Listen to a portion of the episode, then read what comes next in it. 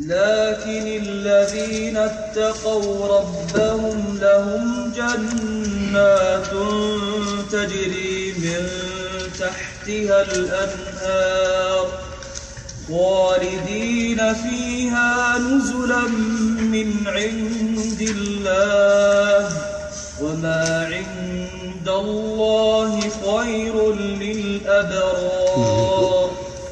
وإن من أهل وإن وإن من أهل الكتاب لمن يؤمن بالله لمن يؤمن بالله وما أنزل إليكم وما أنزل إليهم خاشعين لله.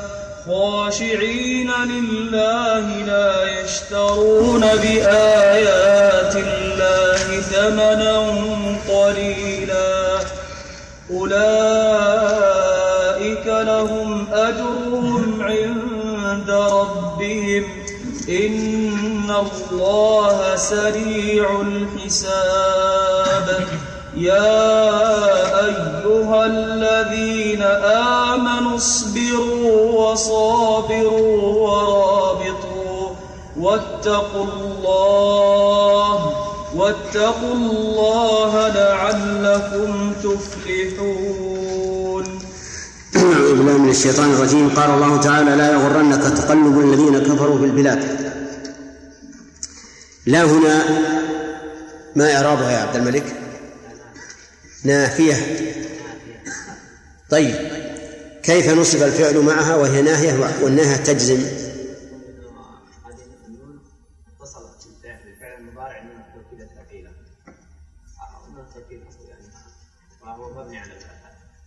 فهو مبني لا معرب. ولهذا نقول يغرن فعل مضارع مبني على الفتح في محل جزم. كذا؟ الخطاب في قوله لا يغرنك. عبد الله.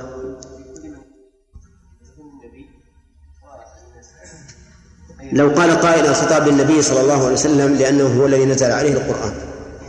ويصح أيضا إيه لكن له قال قائل ثاني. يقول هذا خاص والعام مقدم على الخاص. نعم. نقول هذا محتمل لكن حمله على العموم أولى لدخول الخصوص فيه. طيب. قوله متاع قليل. ما هو المتاع القليل الذي ذكر؟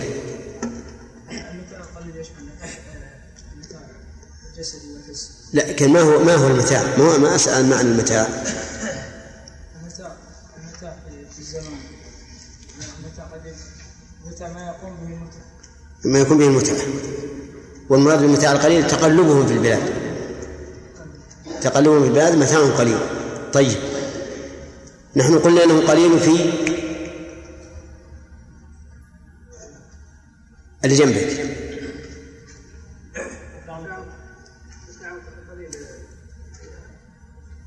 اللي جنبك صاحب الغثرة رشاد؟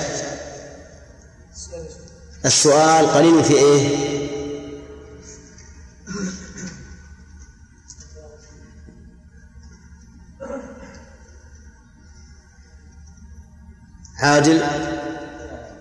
قليل بالنسبة رائد؟ وغير. لا غير فيه إحنا ذكرنا غيره بن داود ها؟ في المدة. قليل في في مد في زمنه. ها؟ كميته. في كيفيته. طيب. ما معنى قول مأواهم جهنم؟ سليم. بس. قال الله سبحانه وتعالى ثم مأواهم جهنم وبئس وبئس المهاد. يعني ثم بعد هذا المتع القليل مأواهم جهنم. وأتى بثم. وإن كانت دالة على التراخي للإشارة إلى أنه مهما طالت بهم المدة في هذه الحياة فإن مآلهم هذا المآل الخبيث والعياذ بالله. والمأوى بمعنى ما يأوي إليه. الإنسان فهو اسم مكان اسم مكان أي المصير الذي يصيرون إليه هي جهنم وجهنم اسم من أسماء النار أعاذنا الله وإياكم منها.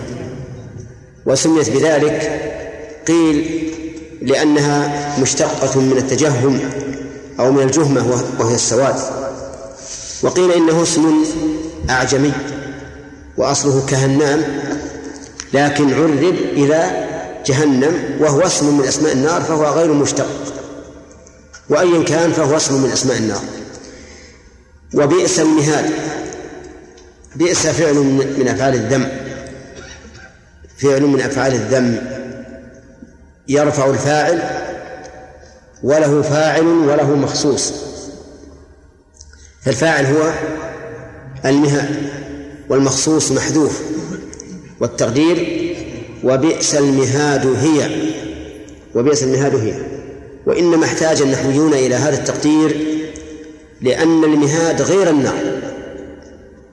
المهاد غير النار. والذم لأي شيء؟ للنار.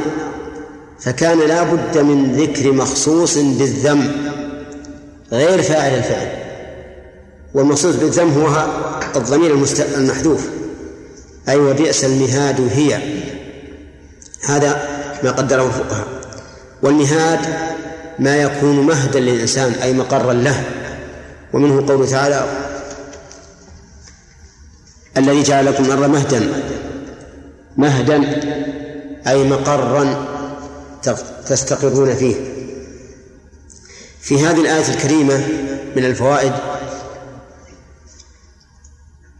في هذه الآية الكريمة من الفوائد. أولا نهي الإنسان أن يغتر بما أوتي الكفار من النعم والرفاهية. لقوله لا يغرنك تقلب الذين كفروا في البلاد ومن فوائدها أيضا أن ما يعطيه الله العبد من الرخاء وسعة الرزق والانطلاق في الأرض يمينا وشمالا ليس دليلا على رضاه عن العبد. وإنما المقياس برضا الله عن العبد هو اتباع العبد لشرع الله. ومن فوائد الآية الكريمة أن الله عز وجل قد يستدرج المرء بإغلاق النعم عليه فتنة له. كما قال تعالى ونبلوكم بالشر والخير فتنة. ووجه ذلك أن الله مكن هؤلاء الكفار من التقلب في البلاد كما يشاءون فتنة لهم ليستمروا على ما هم عليه فيكون ذلك شرا والعياذ بالله. كما قال تعالى ولا يحسبن الذين كفروا أن ما نملي لهم خير لأنفسهم إنما نملي لهم ليزدادوا اثما. ومن فوائد الآية الكريمة أن المؤمن يضيق الله عليه في الرزق أحيانا له ليرجع إليه بخلاف الكافر. وإنما قلت ذلك لئلا يقول قائل أفليس قد قال الله؟ ولو أن أهل القرى آمنوا واتقوا لفتحنا عليهم بركات من السماء والأرض ولكن كذبوا فأخذناهم بما كانوا يكسبون. نقول إن المؤمنين هم الذين يبتلون بالضراء من أجل أن يرجعوا إلى الله عز وجل. ظهر الفساد في البر والبحر بما كسبت الناس ليذيقهم بعض الذي عملوا لعلهم يرجعون. أما الكفار فقد تمهد لهم الدنيا. ويعطون ما يريدون وتكون جنتهم دنياهم بخلاف المؤمنين. ومن فوائد هذه الآية الكريمة أن الدنيا مهما أعطي الإنسان فيها من النعيم فإنها متاع قليل. قليل في زمنه في كميته في كيفيته. لكن الآخرة الآخرة بالعكس. قال النبي صلى الله عليه وسلم لموضع صوت أحدكم في الجنة خير من الدنيا وما فيها. الله أكبر. موضع الصوت الصوت متر أو متر قليل. خير من الدنيا وما فيها ليست الدنيا الحاضرة عندك فقط. خير من كل الدنيا من أولها إلى آخرها وما فيها وهو موضع الصوت. وإلى هذا يشير قوله تعالى بل تؤثرون الحياة الدنيا والآخرة خير وأبقى. إن هذا لفي الصحف الأولى صحف إبراهيم وموسى. ومن فوائد هذه الآية الكريمة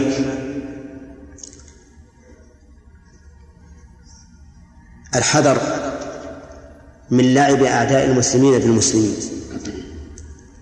حيث يغرونهم بوسائل الترفيه ويفتحون لهم وسائل الترفيه ليلهوهم عما خلقوا له من عبادة الله وعما ينبغي أن يكونوا عليه من العزة والكرامة.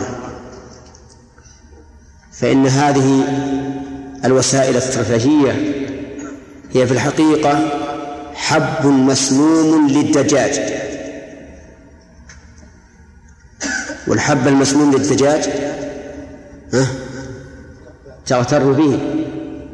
تجد حبا منتفخا لينا فتفرح به. وتأخذه بطرف زقومها وتبتلعه بسرعة ولكنه يقطع أمعاءها فهكذا أعداؤنا فتحوا علينا أبواب الترفيه من كل ناحية. من أجل أن ننغمس في هذه الرفاهية ونكون ليس لنا هم إلا إيش؟ إلا الرفاهية. وننسى ما خلقنا له من عبادة الله وننسى ما ينبغي لنا أن نكون عليه من العزة والكرامة والمصالح. تؤخذ من هذه الآية لا يغرنك تقلب الذين كفروا في البلاد متاع قليل ومن فوائد هذه الآية الكريمة أنه لا يمكن للكافر أن يدخل الجنة. بقوله إيش؟ ثم مأواهم جهنم. لا يمكن أن تكون مأواهم الجنة أبدا لأنهم كفار. ومن فوائد الآية الكريمة الإشارة إلى أن هذا النعيم الذي يدركونه في الدنيا سوف ينسى. بماذا ينسى؟ بهذا المأوى السيء. إذا كان المأوى هو, هو النار نسوا كل شيء. كما جاء في الحديث أنه يؤتى بالرجل يوم القيامة بأنعم أهل الدنيا يعني أكثرهم نعمة. ورفاهية فيغمس في النار غمسة واحدة. فيقال هل رأيت خيرا قط؟ فيقول لا ما رأيت خيرا قط. لماذا؟ لأنه ينسيه هذه الغمسة الواحدة. تنسيه كل ما حصل له في الدنيا من نعيم. لأنه يؤتى بأنعم أهل الدنيا. ويؤتى بأبأس أهل الدنيا أي أشدهم بؤسا. فيغمس في الجنة غمسة. فيقال هل رأيت شرا قط؟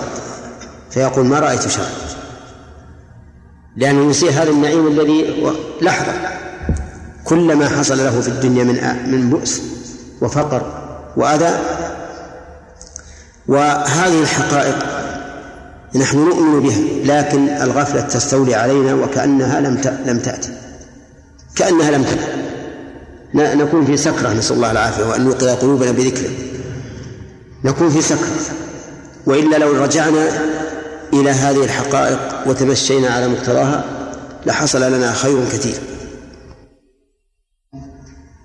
السكرة بمحبة الدنيا وإيثارها على الآخرة تنسينا هذه. الصحابة رضي الله عنهم بالصدمة التي حصلت لهم بموت النبي عليه الصلاة والسلام نسوا آيات من القرآن. نسوا قوله تعالى وما محمد إلا رسول قد خلت من قبله الرسل أفإن مات أو قتل انقلبتم على عقابه حتى جاء صديق هذه الأمة وأثبتها جأشا عند الصدمات أبو بكر وتالها على المنبر وكأنها لم تكن نزلت. فأقول إننا في الحقيقة ننسى هذه الحقائق ولا نشعر بها.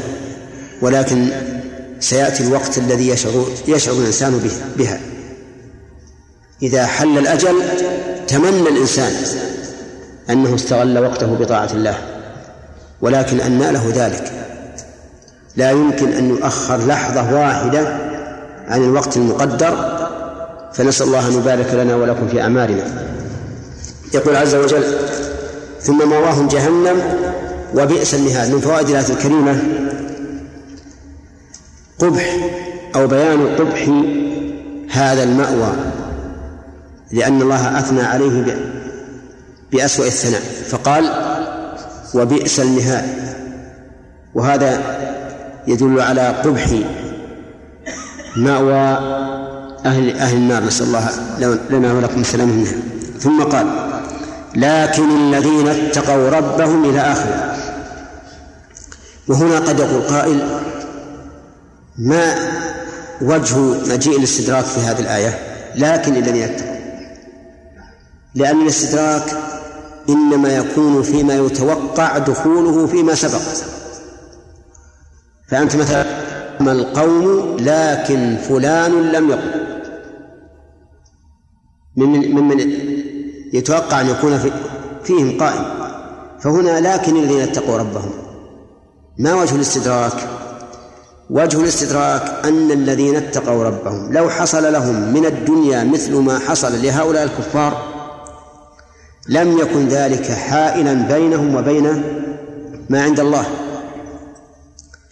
يعني قد يحصل تقلب المؤمنين في البلاد كتقلب الكفار أليس كذلك؟ فهل يكون مأوى المتقين كمأوى الكافرين؟ لا ولهذا قال لكن الذين اتقوا ربهم. فالاستدراك هنا من ألطف ما يكون.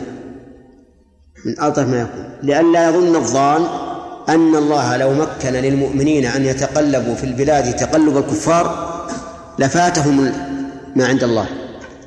فبين أنه لن يفوتهم. قال لكن الذين اتقوا ربهم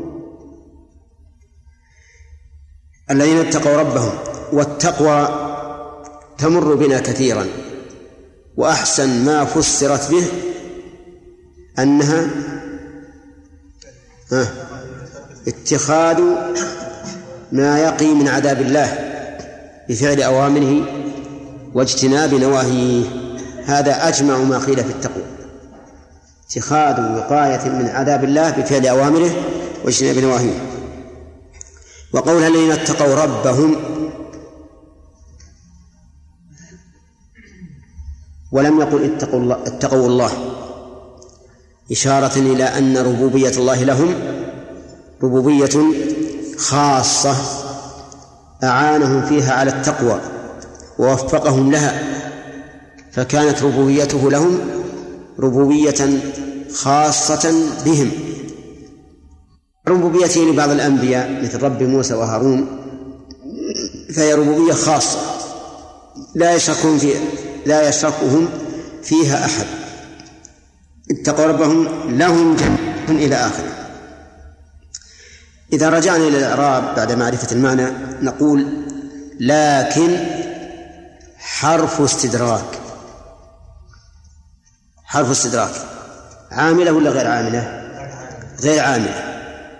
طيب. والذين مبتدأ ولهم جنات مبتدأ وخبر والخبر والمبتدأ والخبر؟ خبر المبتدأ الأول. طيب. لهم جنات تجري من تحتها الأنهار. جنات جمع جنة. وأصلها الجنة؟ البستان الكثير الأشجار سمي بذلك لأنه يجن من كان فيه أي يسره ولكننا لا نفسر جنات أو جنة التي في القرآن والتي يريد الله بها جنة الخلد لا نفسرها بهذا التفسير. لو فسرناها بهذا التفسير نعم لا نفسرها بهذا التفسير عند العامة. لأنك لو فسرتها هذا التفسير عند العامة ها لا نزلت رغبتهم في الجنة نزولا كثيرا. فقال البستان الفلاني أحسن منه فيه أشجار وفيه نخيل وفيه كذا وفيه كذا. لكننا نقول عند العامة الجنة هي الدار التي أعدها الله تعالى للمتقين. فيها ما لا عين رأت ولا أذن سمعت ولا خطر على قلب بشر. وأعتقد أنك لو فسرت عند عجوز من عجائزنا فقلت الجنة البستان الكثير والأشجار والنخيل. نعم لقالت مالت عليك؟ هذه ما هي الجنة هكذا لأنها تتصور الجنة فيها ما لا عين رأت ولا أذن سمعت ولا خطر على قلب بشر وإذا قلت يا البستان الكثير الأشجار والنخيل وش تتصور؟ كل رآها كل يعرفها لهذا أنا أقول ينبغي لطالب العلم أن يفسر القرآن بمعناه ولكن إذا خاف فتنة فليفسره بما يوافق العقول ولا يخالف النصوص. فإذا قلت عند العامة الجنة هي الدار التي أعدها الله تعالى للمتقين وفيها ما لا عين رأت ولا أذن سمعت ولا خطر على قلب بشر صحيح؟ فالتفسير هذا صحيح. لكن عندما تتكلم مع طالب علم يقول ما ما معنى الجنة؟ ولماذا سميت بهذا؟ نأتي إلى المادة الجيم والنون نجد أنها كلها تدل على الاستتار. فتقول هي في الأصل البستان وكثير الأشجار. ولا أن نقول إن الجنة في الأصل هي هذا المعنى لكن نقلت شرعا إلى إلى الدار التي أعدها الله للمتقين. كما نقلت الصلاة والزكاة والحج والعمرة إلى معناها الشرعي. لهم جنات تجري من تحتها الأنهار خالدين فيها. سبق لنا أن قوله من تحتها يدل على علو قصورها وأشجارها وأن الأنهار أربعة وأنها تجري بلا أخدود وبلا شق ساقي تجري حيث شاء صاحب خليج منه أو إلى ساق منه يتجه حيث شاء. وفي ذلك يقول ابن القيم في النونية أنهارها أنهارها من غير أخدود جرت سبحان ممسكها عن الفيضان. أنهارها من غير أخدود جرت سبحان ممسكها عن الفيضان. أسأل الله أن يجعلني وإياكم من أهلها. نعم. يقول من تحت الأنهار خالدين فيها. الخلود هو البقاء. الخلود هو البقاء. أي باقون فيها. إلى متى؟ أبدا. كما قال الله لكن أخرى متعددة خالدين فيها أبدا. نزلا من عند الله. نزلا. هذه منصوبة على الحال. أي حال كون هذه الجنات نزلا. فإذا قال قائل كيف وهي وصاحبها نكرة. لأن جنات نكرة والحال لا تأتي من النكرة. لا بد أن يكون صاحبها معرفة. فالجواب على ذلك أن نقول صاحبها نكرة لكنه خصص بالنعت تجري من تحتها الأنهار والنكرة المخصصة تأتي من الحال كما تأتي من من المعرفة. ثاني يقول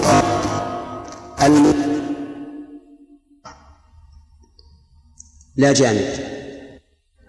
والنزل وهو اسم لما يقدم للضيف من الطعام جامد وليس بمشتق. فالجواب أن قد تأتي الحال جامدة لكنها مؤول بالمشتق يعني أنهم مكرمين بهذا النزل. مكرمين بهذا النزل. وقوله من عند الله أي أن هذا النزل ليس من فلان أو فلان عندي أكرم الأكرمين وأجود الأجودين وهو الله. والنزل من الأكرم يكون عظيما وكريما وكثيرا. قال وما عند الله خير للأبرار ما اسم موصول. ولا يمكن أن تكون نافية. لأن المعنى يفسد كثيرا. لو قلت ما نافية صار المعنى ليس عند الله خير للأبرار وهذا كذب. فهي ما الموصولة يعني والذي عند الله خير فتكون مبتدأ وخير خبره. يعني وما عند الله خير مما ذكر من وصف الجنات. وهذا كقوله تعالى لهم ما يشاءون فيها ولدينا مزيد. ففي الجنة أكثر مما يتمناه الإنسان وأكثر مما يتصوره وهو النظر إلى وجه الله عز وجل. فإن النظر إلى وجه الله أعظم ما يكون من النعيم ولهذا سماه الله زيادة. في قوله تعالى للذين أحسنوا الحسنى وزيادة. فقد فسر فقد فسر أعلم الخلق بكلام الله وهو النبي صلى الله عليه وسلم الزيادة بأنها النظر إلى وجه الله. وما عند الله خير للأبرار والأبرار جمع بر والبر كثير الخير. ومنه قوله تعالى إنا كنا من قبل ندعوه إنه هو البر الرحيم. أي كثير الخيرات. فالأبرار جمع بر وهم كثير الخيرات وذلك بفعلهم ما أمر الله به وتركهم ما نهى الله عنه. ويأتي إن شاء الله ذكر فوائد هذه الآية.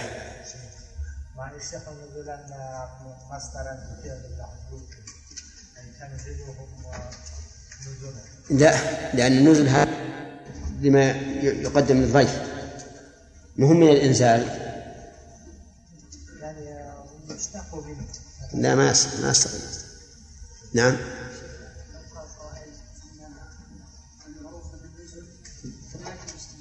لكن إيش؟ نعم.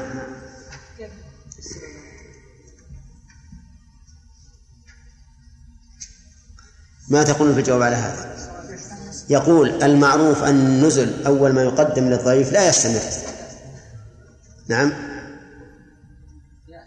ها؟ فالجواب على هذا أن نقول إن الله جعل جعل الجنة كلها. ومعروف أن النزل الذي يقدم للضيف أول ما يقدم يكون من أطيب شيء وأكرم شيء. فكأن الدنيا كلها كأن الجنة كلها بمنزلة النزل يعني لا يختلف آخرها عن أولها. بخلاف نزل الضيافة في الدنيا الضيف أول ما يأتي أول يوم يأتي تجعل عنده طعاما طيبا وثاني يوم ها؟ أقل شوي هذا الواقع. ثالث يوم أقل ورابع يوم نقول في أمان الله. نعم. فالنزل معروف أنه أول يوم أحسن شيء. فجعل الله هذه الجنة كلها نزلا. فلا يختلف آخرها عن أولها. نعم فهم نعم.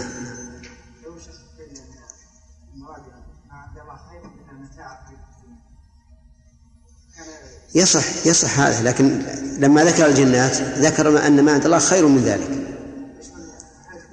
فإذا كانت الجنات خيرا من الدنيا وما فيها فاللي خير من الجنات يكون أشد. نعم. نعم. لا يؤخذ من آية من آية أخرى. من آية أخرى. لكن ما هو الخير اللي خير من الجنات؟ قلنا بينت الله بينها الله في آية أخرى.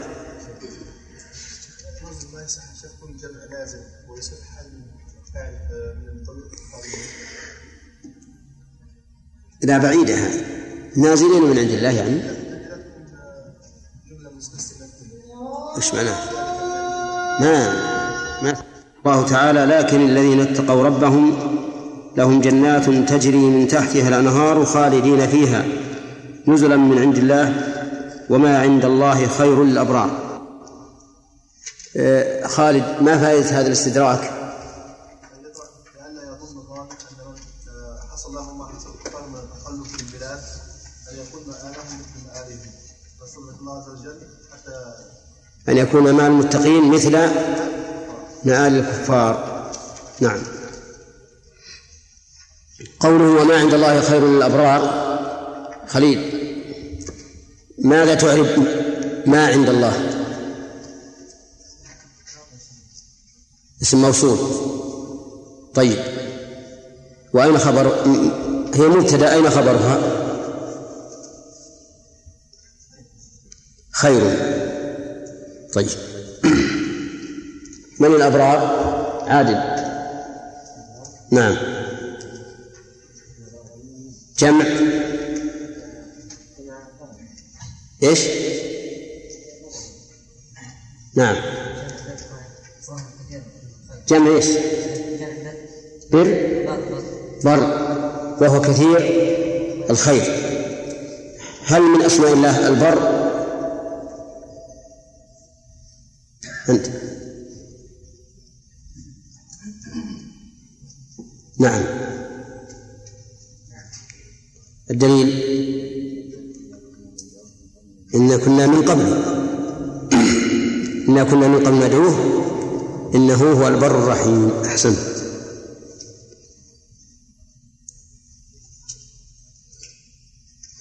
ثم قال تعالى وإن من أهل الكتاب أخذ فوائد هذه؟ طيب. ها؟ إيش؟ اي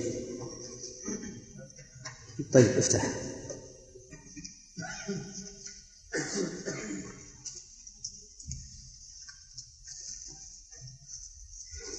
من أين يا خالد؟ بس هذا اللي أخذ ما أخذ فائدة والأول أخذناها؟ قوله تعالى لكن الذين اتقوا ربهم إلى آخره. فيها فوائد. منها أن المتقين وإن تقلبوا في البلاد فليس مآلهم كمآل الكافرين. لقوله لكن الذين اتقوا ربهم. ومنها فوائد التقوى وأن من فوائدها ما حصل لهؤلاء المتقين من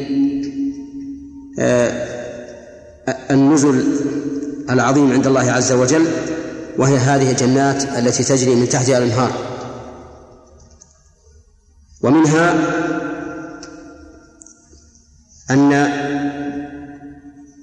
هؤلاء المتقين ثوابهم عند الله عز وجل أكثر بكثير مما يعطى هؤلاء الذين يتقلبون في البلاد. لأن الله قال في المتقلبين متاع قليل. أما هؤلاء فقالوا فقال لهم جنات تجري من تحتها الأنهار خالدين فيها دائما وأبدا. ومنها عظم هذا الجزاء والثواب الذي يحصل لهم لأنه نزل من عند أكرم الأكرمين وهو الله عز وجل لقوله تعالى نزلا من عند الله. ومنها ما استنبطه بعض أهل العلم من أن قوله وما عند الله يفيد العموم أي يفيد العلو.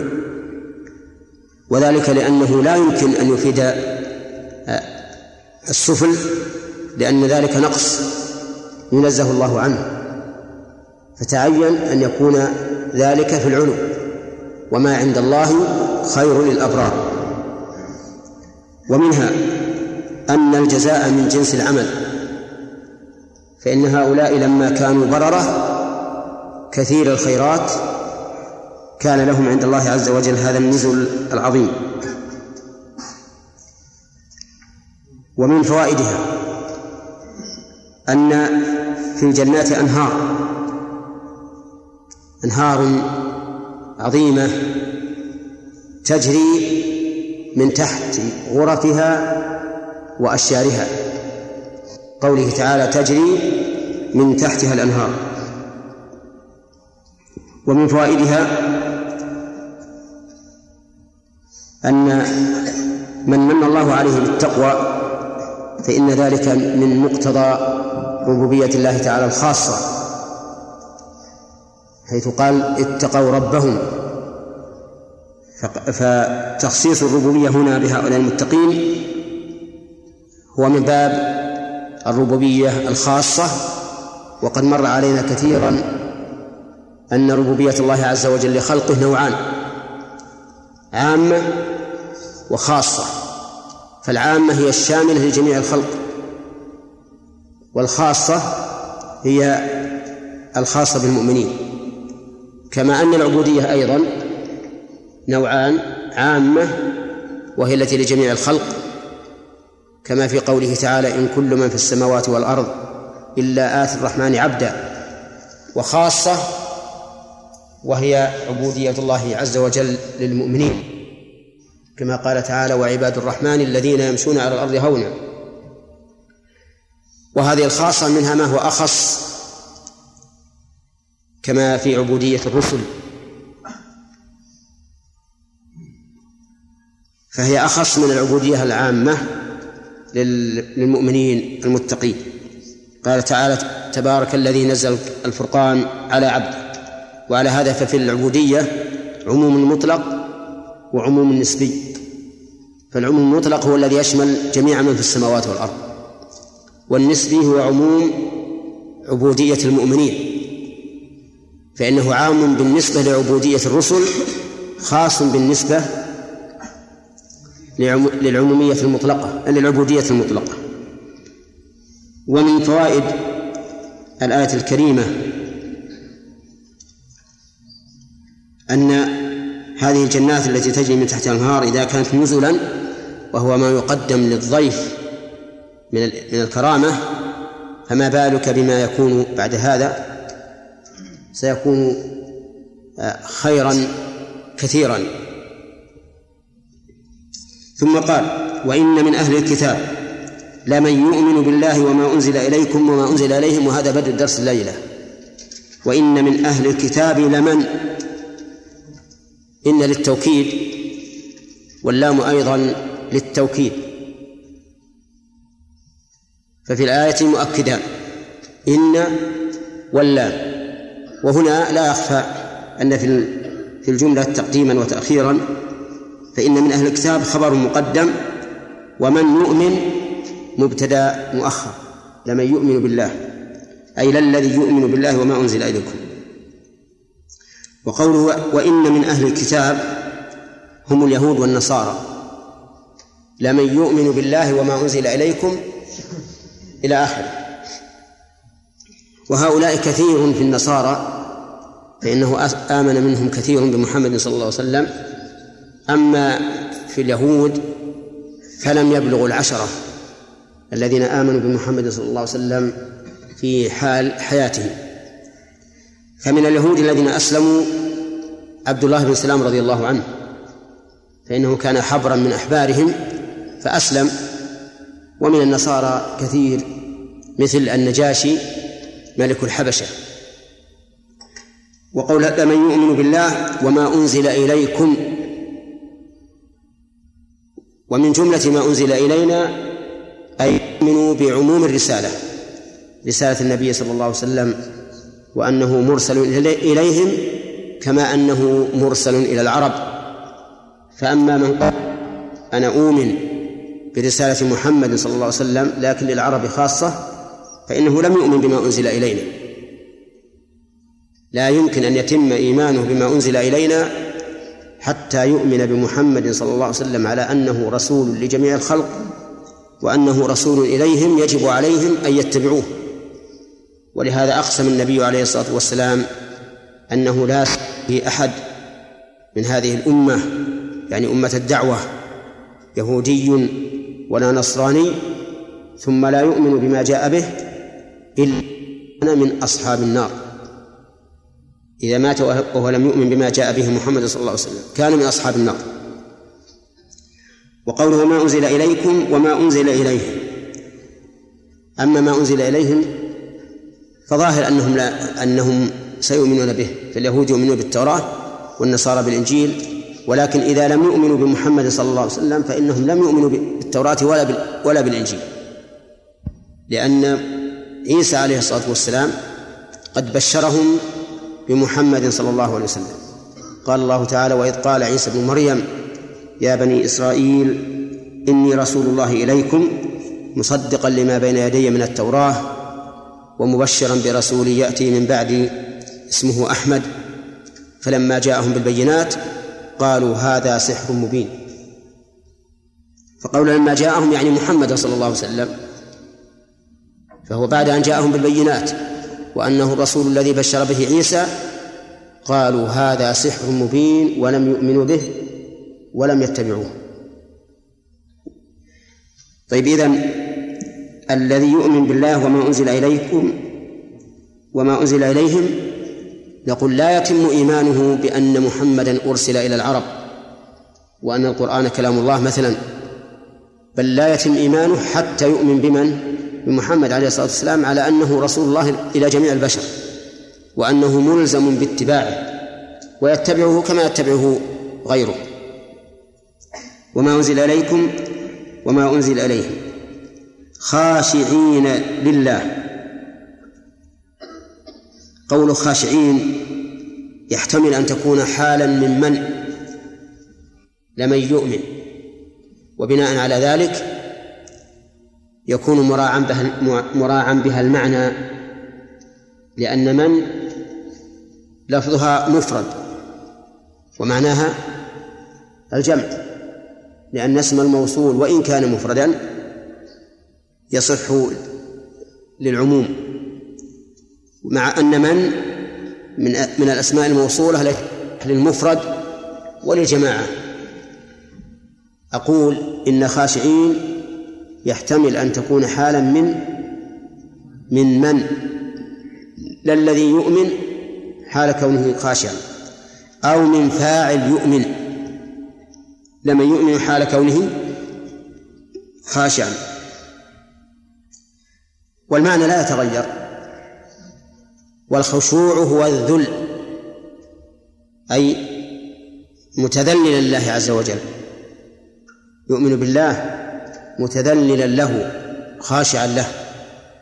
لا يشترون بآيات الله ثمنا قليلا لا يشترون أي لا يأخذون ويطلبون بآيات الله ثمنا قليلا.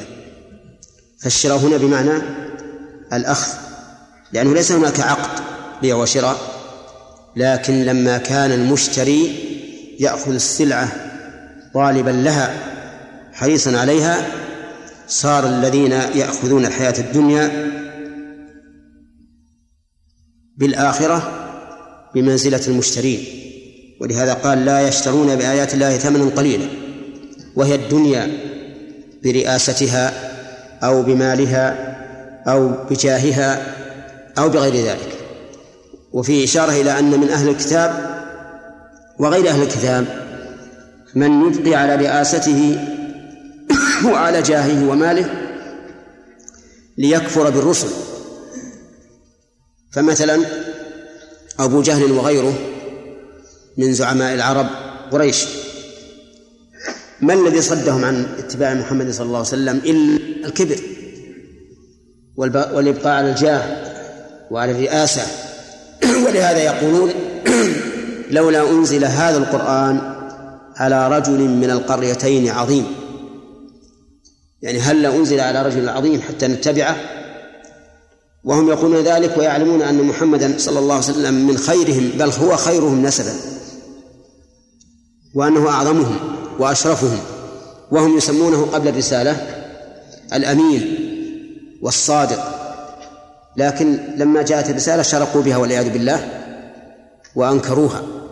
وقالوا هذه من رجل مهين كما قال فرعون لموسى.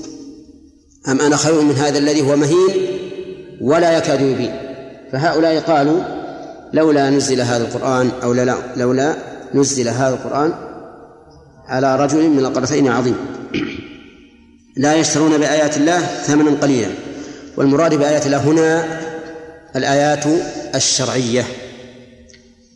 لأن من الناس من يشتري ثمنا قليلا بالآيات الشرعية.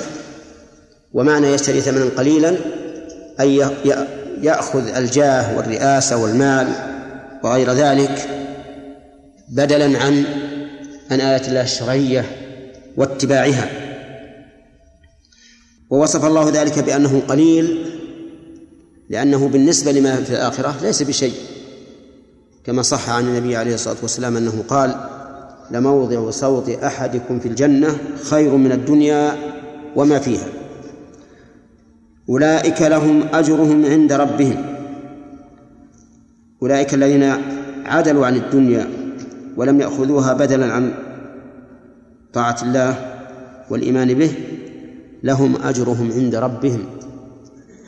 أجر أي ثواب وإضافته إلى الله عند ربهم يدل على عظمه وأنه عظيم جدا. فإن الشيء من العظيم عظيم. ومن الكريم كثير.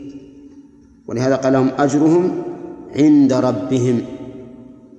وقوله لهم أجرهم عند ربهم فيه إشارة كما سيأتي إن شاء الله في الفوائد أنه باقي لأن ما عند الله يبقى. ولهذا يخلد أهل الجنة فيها أبدا. نسأل الله يجعلنا وإياكم منهم. أولئك لهم أجرهم عند ربهم. إن الله سريع الحساب. سريع الحساب السرعة هي عدم التباطؤ في الشيء. فالله تعالى سريع الحساب من وجهين. الوجه الأول أن الدنيا قليلة وفانية وسريعة وما هي إلا لحظات ثم تنقضي. بسرعة. فاليوم الجمعة مثلا أو السبت أو الأحد أو أحد أيام الأسبوع ما تأخذ إلا شيئا قليلا ثم يأتي بسرعة حتى يصل الإنسان إلى نهايته ويموت فيجد الحساب أمامه. هذا سرعة. السرعة الثانية يوم القيامة. فإن الله تعالى يحاسب الخلائق كلها في نصف يوم. لقوله تعالى أصحاب الجنة يومئذ خير مستقرا وأحسن مقيلا. والقيلولة إنما تكون في نصف النهار. هكذا تكون في نصف النهار. ويلزم من هذا أن الله يحاسب الخلائق كلهم في نصف يوم. حتى كل و... أن كل واحد منهم حتى أن كل واحد منهم يقيل في منزله ومستقره. إن الله سريع الحساب. في هذه الآية فوائد منها الثناء على بعض أهل الكتاب لقوله وإن من أهل الكتاب ومن هنا بالتبعيض وهم قليل ومن فوائدها عدل الله عز وجل بإسناد الفضل إلى أهله فإن الله عز وجل لما ذكر عقاب الكافرين وثواب المؤمنين قال وإن من أهل الكتاب لمن يؤمن. فأسند الفضل إلى أهله عز وجل. أن هؤلاء الذين يؤمنون بما أنزل الله على رسوله عليه الصلاة والسلام مع إيمانهم بكتبهم إنما يفعلون ذلك تعظيما لله وذلا له. لا طلبا للدنيا أو المدح أو ما أشبه ذلك. لقوله تعالى خاشعين لله. ومن فوائدها بيان إخلاص هؤلاء حيث لم يؤمنوا بالله وما أنزل إلينا من أجل الدنيا فهم لا يشترون بآيات الله ثمنا قليلا. والآية كما فسرناها أولا يفهم منها أن الذين كفروا للدنيا بهذا بهذه الجملة ولكن ينبغي أن نقول يراد بها الذين كفروا من أجل الدنيا والذين أسلموا من أجل الدنيا. ويؤيد المعنى الثاني قوله خاشعين لله. خاشعين لله. فإنه يدل على أنهم مخلصون. في إيمانهم بالله وما وما أنزل إليهم. يعني لا يقصدون شيئا من الدنيا أو جاها أو رئاسة أو رياء ومنها من فوائد الآية الكريمة أن هؤلاء الذين آمنوا من أهل الكتاب عن إخلاص سوف يكون لهم الأجر يعني الثواب الله وإن فاتهم ما يفوتهم من الدنيا بسبب إسلامهم لقوله أولئك لهم أجرهم عند ربهم. ومن فوائدها بيان قدرة الله عز وجل في سرعة حسابه حيث قال إن الله سريع الحساب. وقد أورد بعض الصحابة عليه عليه وسلم إشكالا في هذا المعنى. وقال كيف يحاسبنا في ساعة ونحن جمع يعني كثير. فقال ألا أخبرك بشيء من آلاء الله أي من آياته يقرب لك هذا هذا. وذكر له القمر. القمر مخلوق من مخلوقات الله. وكل الناس يرونه في ساعة واحدة. لا يضامون في رؤيته. فإذا كان هذا في في مخلوق من مخلوقات الله يضيء نوره على كل من رآه ويشترك فيه من العالم ما لا يحصيه إلا الله فما بالك بالخالق جل وعلا؟ ومن فوائد هذه الآية الكريمة إثبات الحساب وأن الإنسان سوف يحاسب على عمله إن خيرا فخير وإن شرا فشر لقوله إن الله سريع الحساب. وليعلم أن أن الحقوق نوعان حق لله عز وجل فهو مبني على المسامحة وعلى العفو والإحسان وحق للخلق بالاعتداء عليهم وعلى أعراضهم فهذا لا يغفره الله عز وجل.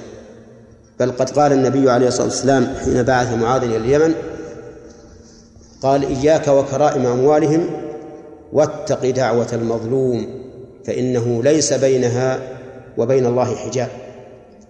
فالمظلوم إلى من يلجأ؟ إلى الله عز وجل فإذا لجأ إلى ربه وهو سيلجأ بصدق لأنه قد ضيم من الخلق. فإذا رجع إلى الله عز وجل بهذا الصدق فإن الله سبحانه وتعالى يجيب دعوته ويقول عز وجل وعزتي وجلالي لأنصرنك ولو بعد حين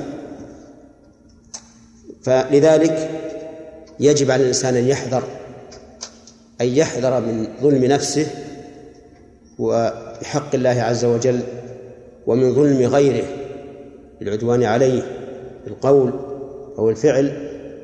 فإن الدنيا لن تدوم. لا بد من زوال ولا بد من رجوع إلى الله عز وجل. ثم قال تعالى يا أيها الذين آمنوا اصبروا وصابروا ورابطوا واتقوا الله لعلكم تفلحون. آه، دائما نتكلم على قوله تعالى يا أيها الذين آمنوا ونستشهد بقول عبد الله بن مسعود رضي الله عنه إذا سمعت الله يقول يا أيها الذين آمنوا فأرعها سمعك. يعني استمع لها. فإما خير تؤمر به وإما شر تنهى عنه. وقلنا إن الله تعالى إذا صدر الخطاب بهذا فهو دليل على العناية به. وجهه أنه صدر صدره بالنداء. الذي يفيد تنبيه المخاطب. يا أيها الذين آمنوا. ثم إذا كان النداء بوصف الإيمان كان دليلا على أن ما يأتي بعده من مقتضى الإيمان. أن ما يأتي بعده من مقتضى الإيمان. لأنه لولا أنه من مقتضاه ما صدر الخطاب لمن يوجه إليه بلفظ الإيمان. فكأنه قال يا أيها الذين آمنوا لإيمانكم افعلوا كذا وكذا أو لإيمانكم لا تفعلوا كذا وكذا.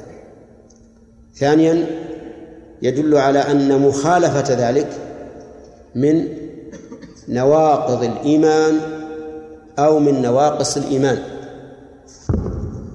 إن كان الشيء من أصول الدين مثل يا أيها الذين آمنوا آمنوا بالله ورسوله فإن مخالفته من إيش؟ من نواقض الإيمان. وإن كان في فرع من فروع الدين فإن مخالفته من نواقص الإيمان.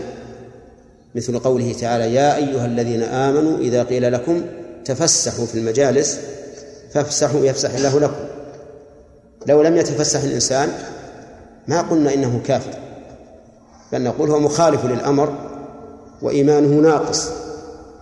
لأن مقتضى الإيمان أن يفعل ما أمر الله به حيث وجه الله له هذا الأمر بوصف الإيمان. ثالثا أنه يفيد الإغراء يعني إغراء الإنسان وحثه على أن يفعل ما وجه إليه من الأمر أو النهي. لأن الإنسان إذا وصف بوصف فإنه يغريه هذا الوصف.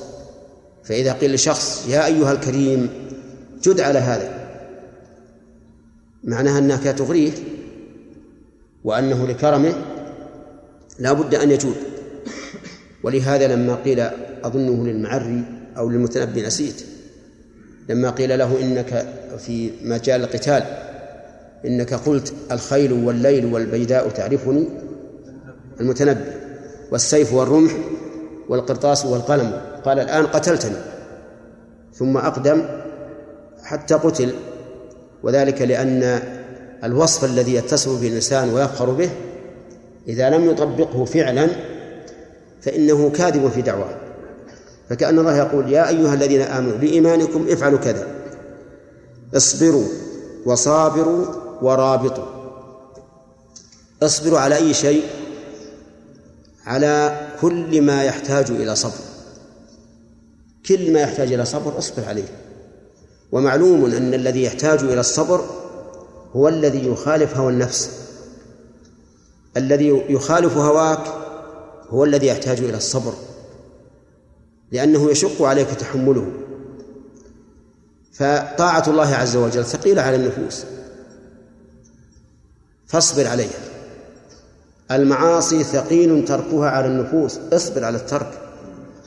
الآلام والمصائب التي تصيب الإنسان ثقيلة على النفس اصبر عليها. فالمصائب التي تصيب الإنسان هي بنفسها مكفرة للذنوب. فإذا احتسب الإنسان أجرها على الله وانتظر بذلك ثواب الله كانت مع التكفير زيادة حسنات. والإنسان في الدنيا لا بد أن يبتلى. كما قال الشاعر فيوم علينا ويوم لنا ويوم نساء ويوم نسر. لم تبقى الدنيا لأحد زاهية مطلقا أبدا. وهذه من حكمة الله عز وجل يبتلي الإنسان بالنعم ويبتليه بالمصائب. قال الله تعالى ونبلوكم بالشر والخير فتنة وإلينا ترجعون. فعلى الإنسان أن يصبر على كل ما يخالف هواه. والصبر ثقيل على النفس متعب لها. ولكن الإنسان ينظر إذا صبر إلى ما أمامه. وش النتيجة؟ النتيجة خير. إنما يوفى الصابرون أجرهم بغير حساب. إذا صبر فليبشر بالخير. وفي المثل من صبر ظفر وفي الشعر والصبر مثل اسمه مر مذاقته لكن عواقبه أحلى من العسل. وهذا شيء مجرب. دائما إذا صبر الإنسان ظفر ولا سيما إذا قرن صبره باحتساب الأجر على الله عز وجل فإنه يكون ذلك الثواب يكون في ذلك الثواب. والعاقبة الحميدة. وقوله صابر المصابرة تكون من اثنين. ولهذا جاءت على وزن فاعل فاعل كقاتل وجاهد صابر. أيضا لا بد من شخص آخر يضادك فصابره. الصبر الأول ما في أحد يضادك يضادك. إنما هو شيء بينك وبين نفسك تصبر الشيء الثاني إنسان يضادك ويثيرك ويعتدي عليك. صابره. صابره. يعني بمعنى غالبه في الصبر. غالبه في الصبر. وهذا يكون في ملاقاة الأعداء. فالعدو يصابرك وأنت تصابره. ولكن الله تعالى قد سل عباده المؤمنين في قوله تعالى ولا تهنوا في ابتغاء القوم. إن تكونوا تألمون فإنهم يألمون كما تألمون. أنت إذا جرحت تتألم وهو إذا جرح يتألم لا شك. وترجون من الله ما لا يرجون. فرق فرق عظيم. فالذي يرجو من الله عز وجل الثواب على ما ما حصل له يهون عليه يهون عليه هذا الشيء. حتى إنه أحيانا لا يشعر به من شدة احتسابه الأجر على الله عز وجل. اذا الصبر حبس النفس مع غير مصابر وتكون على ما لا ما لا يلائم الإنسان وما يشق عليه والمصابرة مع شخص إيش؟ مضاد. يصابرك ويصبر عليك على معاندتك وعلى مضادتك فأنت اصبر. اصبر. و وقد قال الله عز وجل ولمن صبر وغفر إن ذلك لمن عزم الأمور. أما قوله ورابطه المرابطة أخص من المصابرة.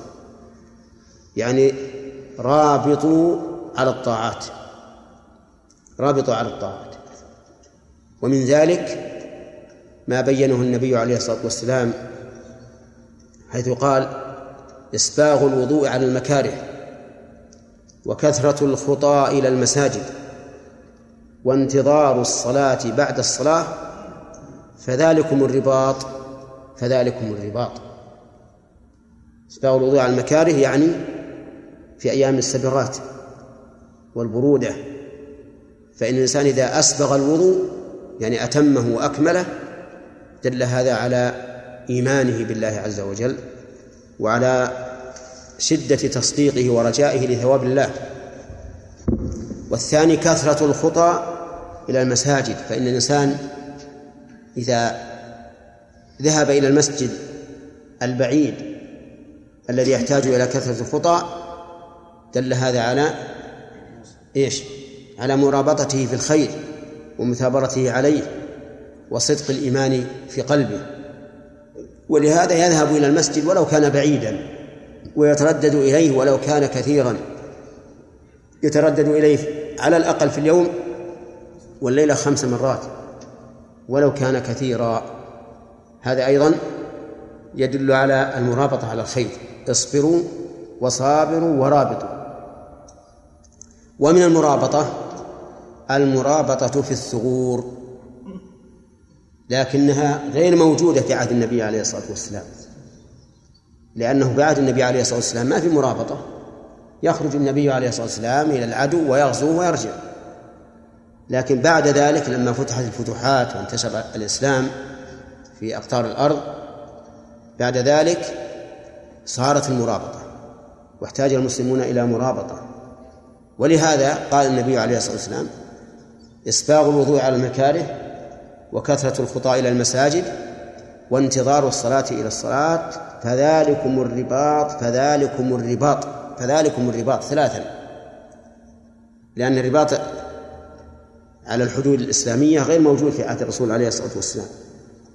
ثم قال لعلكم تفلحون أي من أجل أن تفلحوا. نعم واتقوا الله. واتقوا الله هذا أمر بتقوى الله عز وجل. وسبق لنا مرات كثيرة أن المراد بالتقوى اتخاذ وقاية من عذاب الله بفعل أوامره واجتناب نواهيه. هذه التقوى هذا أحسن ما قيل في التقوى اتخاذ وقاية من عذاب الله عز وجل بفعل أوامره واجتناب نواهيه. هذه هي التقوى. وعطفها على ما سبق. إما أن يقال من باب عطف العام على الخاص وهو كثير في القرآن. وإما أن يقال إن ما سبق أوامر والتقوى للنواهي.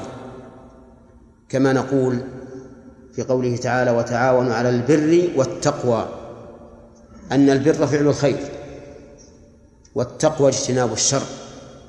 وإذا ذكر التقوى وحدها شملت فعل الخير وترك الشر. والمعنيان يعني لا يتنافيان. فما فهذه الأوصاف أو الأوامر الأربعة اصبروا واتقوا الله كلها مؤداها تشتمل على شيء واحد وهي فعل الأوامر واجتناب النواهي. ثم قال لعلكم تفلحون لعل هنا للتعليل وليست للرجاء لأن كلام الله عز وجل ليس فيه الرجاء فإنه على كل شيء قدير ولا يصعب عليه شيء ولا يعسره شيء لكنها للتعليل أي لأجل أن تفلحوا والفلاح قالوا إنها كلمة جامعة كلمة جامعة للفوز بالمطلوب والنجاة من المرهوب. هذا الفلاح. الفلاح أن يفوز الإنسان بمطلوبه وأن ينجو من مرهوبه.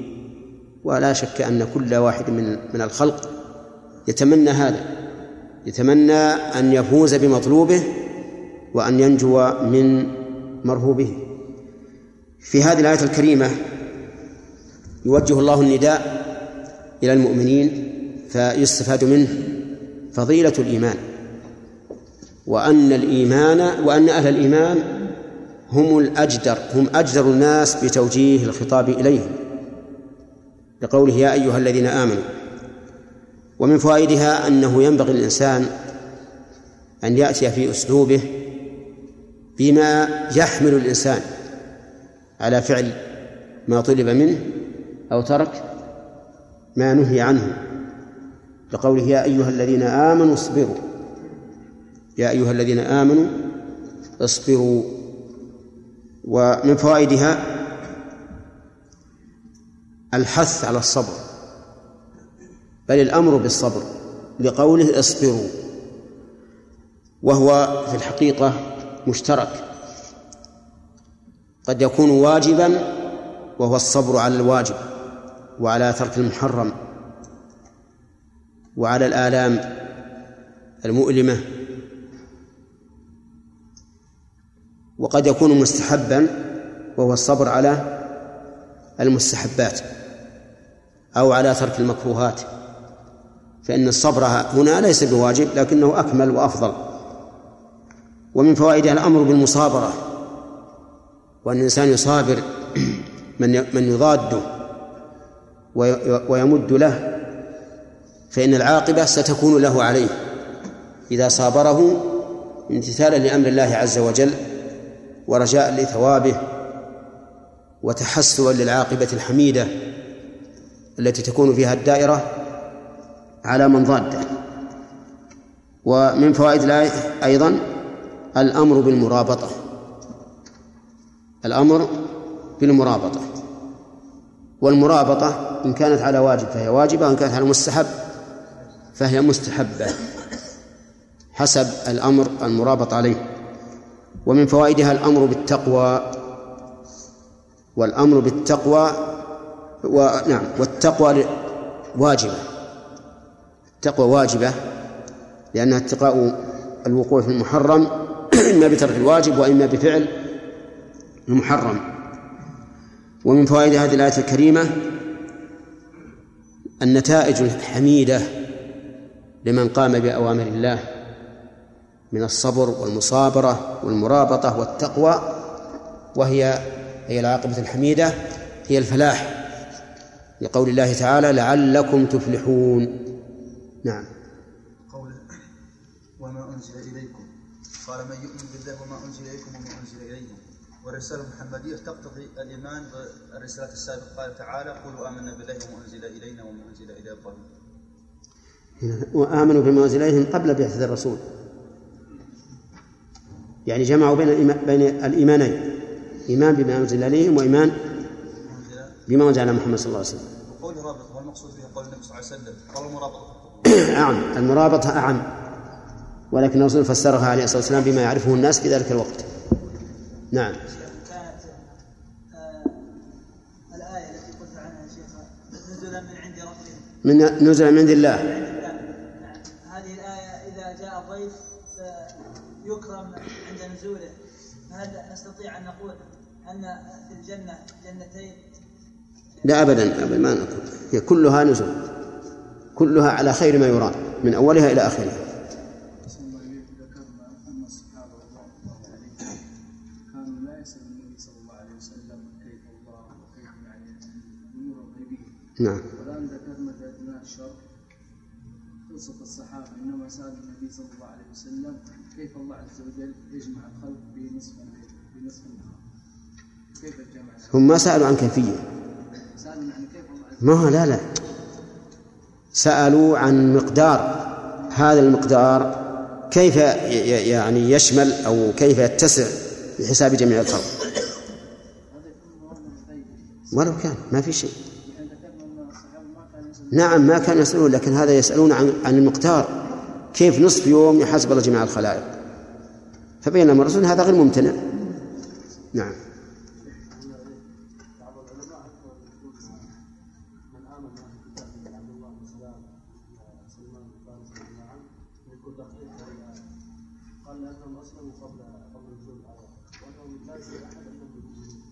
أنهم إيش؟ وهل يمنع إذا كان لمن يؤمن بالله وإن من أهل الكتاب لمن يؤمن بالله. فيكون ذكر الإيمان هنا بلفظ المضارع لاستمرارهم عليه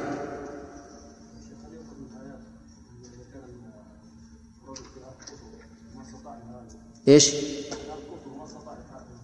نعم ها؟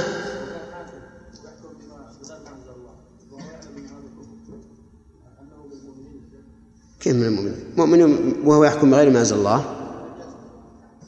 النجاشي يحكم بما أنزل الله بما بما بلغه أقول هو سيحكم بما بلغه. نعم. كيف؟ ما بلغه ما ما الحكم بالقرآن. آمن بمحمد عليه الصلاة والسلام وآمن بعيسى وآمن بالرسل وهذا الذي بلغه. نعم.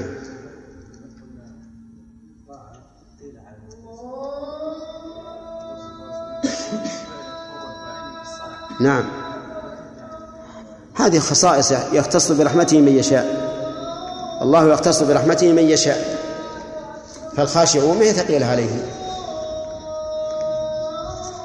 الله أكبر. الله اكبر هن بزيت وفي قرنفل وحب فلفل أسود زنجبيل وتغطى. هذا طبنا نحن.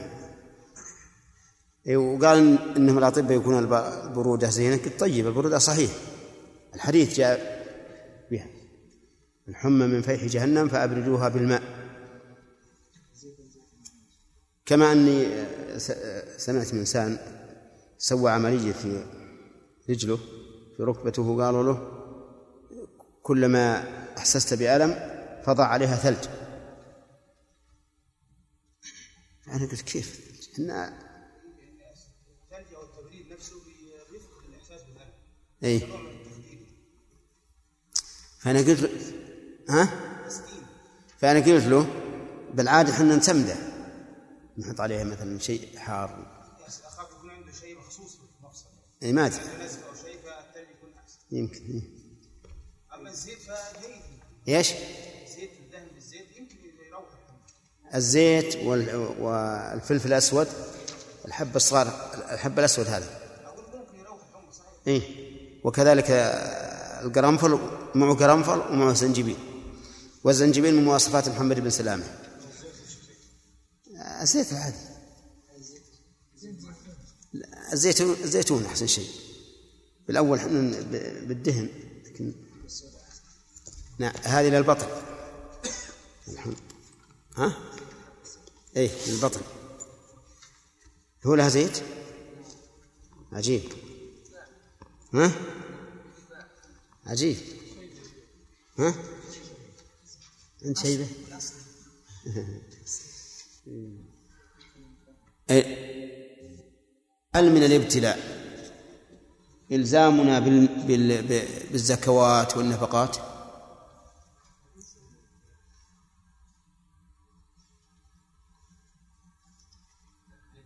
نعم من الابتلاء ابتلاء شرعي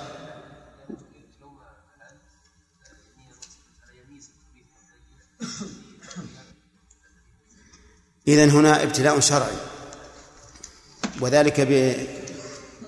بتكليفنا أن نؤدي الزكاة لأن من الناس من لا يؤدي الزكاة فيكون في هذا ضرر عليه. نعم. قوله أذى كثيرا. يا موسى. أذى كثيرا من القول أو من الفعل. ولتسمعن من الذين أوتوا الكتاب من قبلكم ومن الذين أشركوا أذى كثيرا. ها. من القول؟ ما الدليل على تخصيصه بالقول؟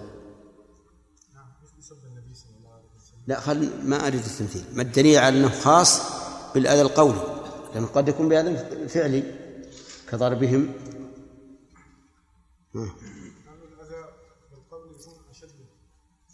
لا أنا أريد دليل على أنها خاصة بالأذى القولي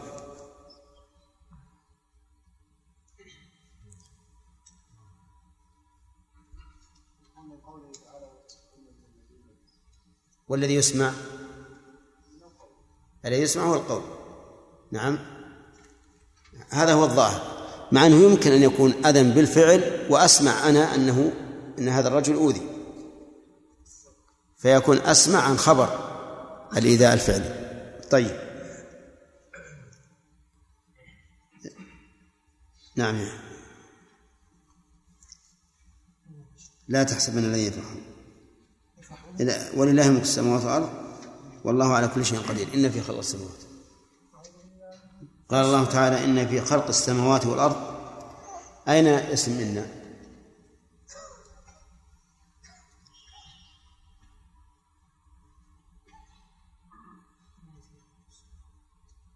الجملة اسم بالجار والمجرور. في خلق. في خلق السماوات. هذا اسم. اسم إن. هل يكون الجار المجرور اسما لإن؟ ها.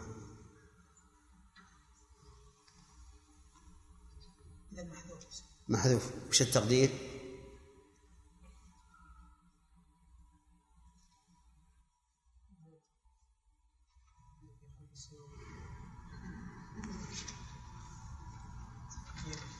ها؟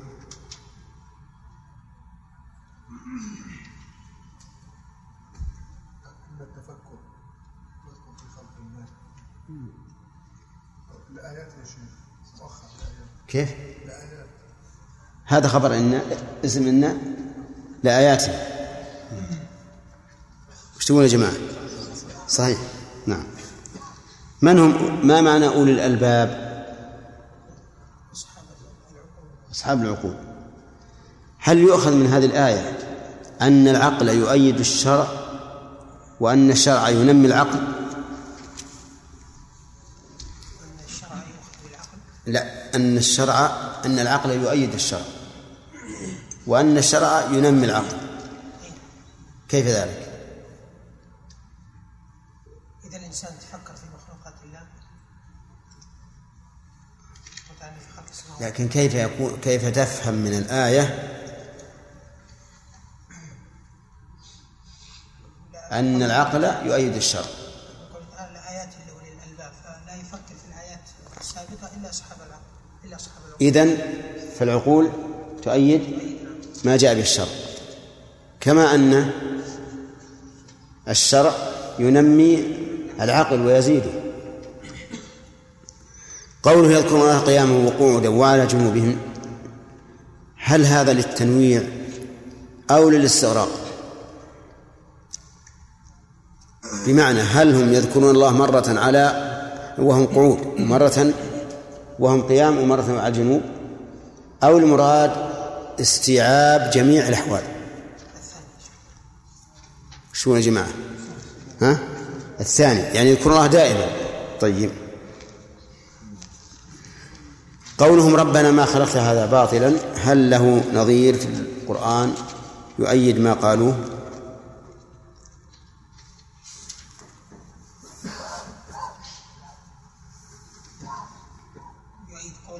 نعم.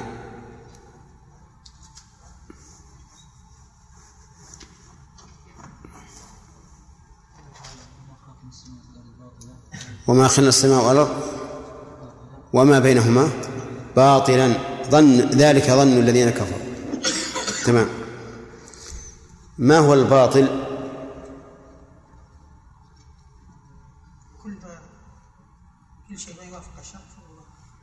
إيه وش معنى كلمة باطل؟ لا لا. ما أريد الكلمة فقط. ما أريد ما المراد أريد معنى باطل.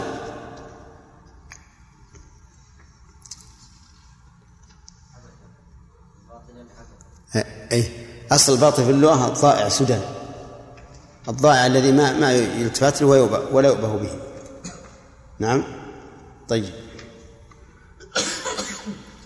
عبد الله. سم بالله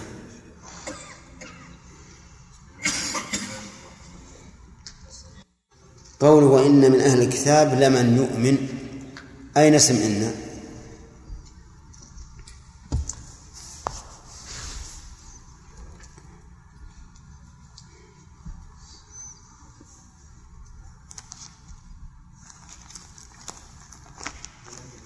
نعم.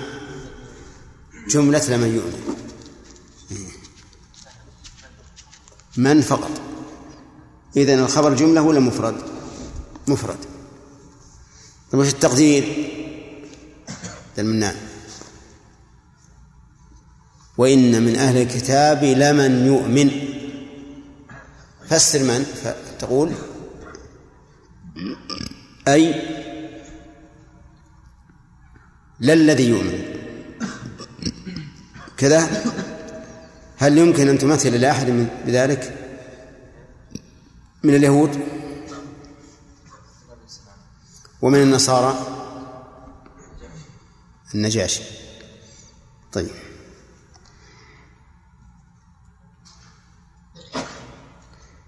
لو آمن أهل الكتاب بما أنزل على محمد لكن قال إنه للعرب خاصة.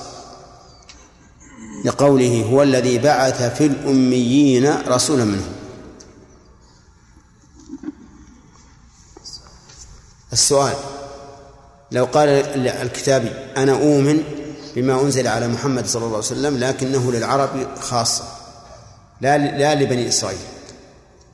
لقوله تعالى هو الذي بعث في الأميين رسولا منهم. نعم. لماذا؟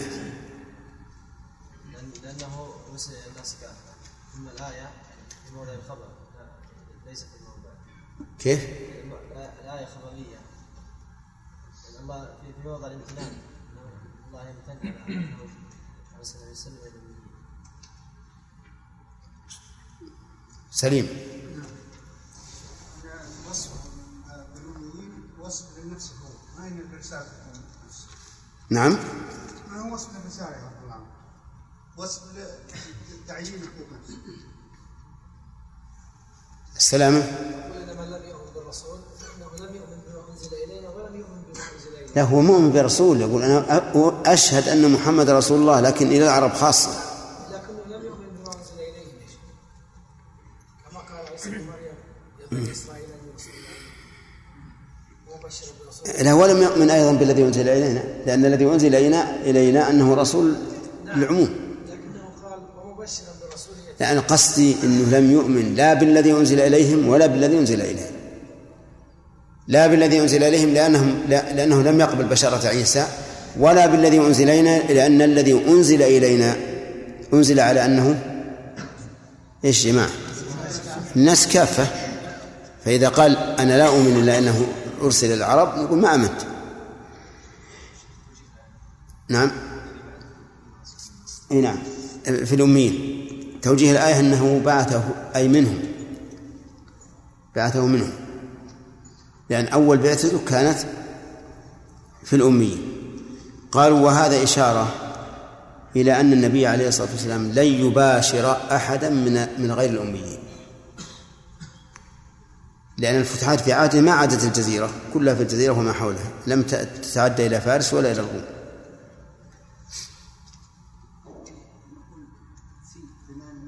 نعم. ها؟ إيه في الأم... هو الذي بعث من الأميين رسولا منهم. على سبيل التوكيد. أو نقول في الأميين في أول رسالة كما كما شرحناها يعني أول رسالة كانت فيهم ثم انتشرت. طيب. يا أيها الذين آمنوا اصبروا وصابروا ورابطوا. ما الفرق بين الصبر والمصابرة.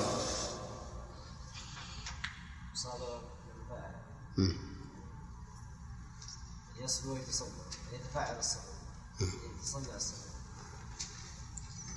يعني ان لم يصبر ها. يتصبر إيه. الصبر هو الصبر على يعني على نفسه نفس الامر بالسوء. الصابر قريب من الصابر الذي تحسب بين شخص وبين آخر نعم. الجهاد كما يحسب الجهاد مقابله أعداء الله فالإنسان يصبر ويصابر على سبيل يعني صابر من من يضادك في أمرك نعم لأن الإنسان ربما يصبر إذا لم يص- يصابره أحد. لكن إذا صابره وجادله وناظره ربما لا يصبر. نعم. اللا لعل وش معناها تعليلية. ولا يصح أن تكون للرجاء؟ لماذا؟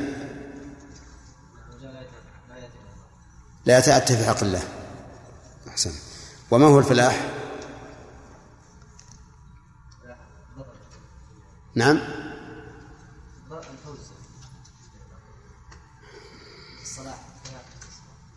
كيف؟ أحسنت. تمام.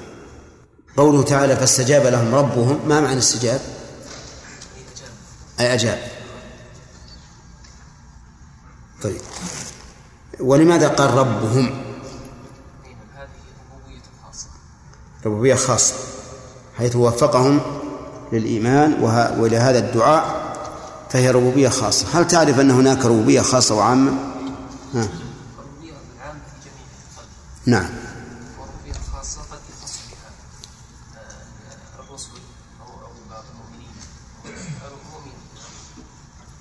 ما هي الآية التي اجتمع فيها الربوبيتان العامة والخاصة.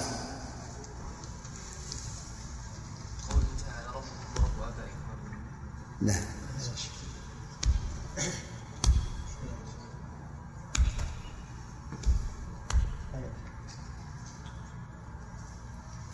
آمنا برب آمنا برب العالمين رب موسى وهارون نعم.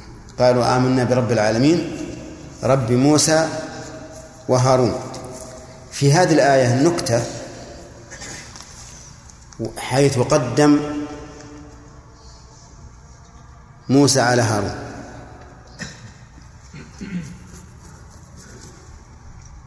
ما هي؟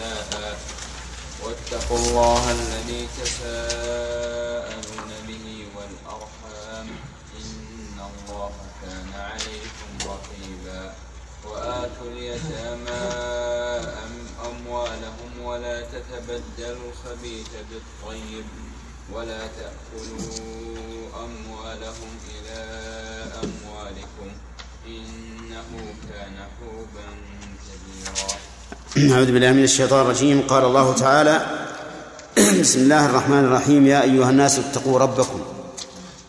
هذه السورة هي سورة النساء وهي مدنية. والمدني عند الجمهور ما نزل بعد الهجرة والمكي ما نزل قبل الهجرة. فالمدني ما نزل بعد الهجرة ولو في غير المدينة والمكي ما نزل قبل الهجرة ولو في غير مكة. وعلى هذا فالمدار في تعيين المكي والمدني إلى الزمن لا إلى المكان. وقد ذكر العلماء رحمهم الله ضوابط للمكي والمدني وذكروا مميزات للمكي والمدني معروفة في علم أصول التفسير. من ذلك أن الغالب في الآيات المكية الغالب فيها القصر والقوة قوة الأسلوب والب... وموضوعها في الغالب التوحيد وما يتعلق به.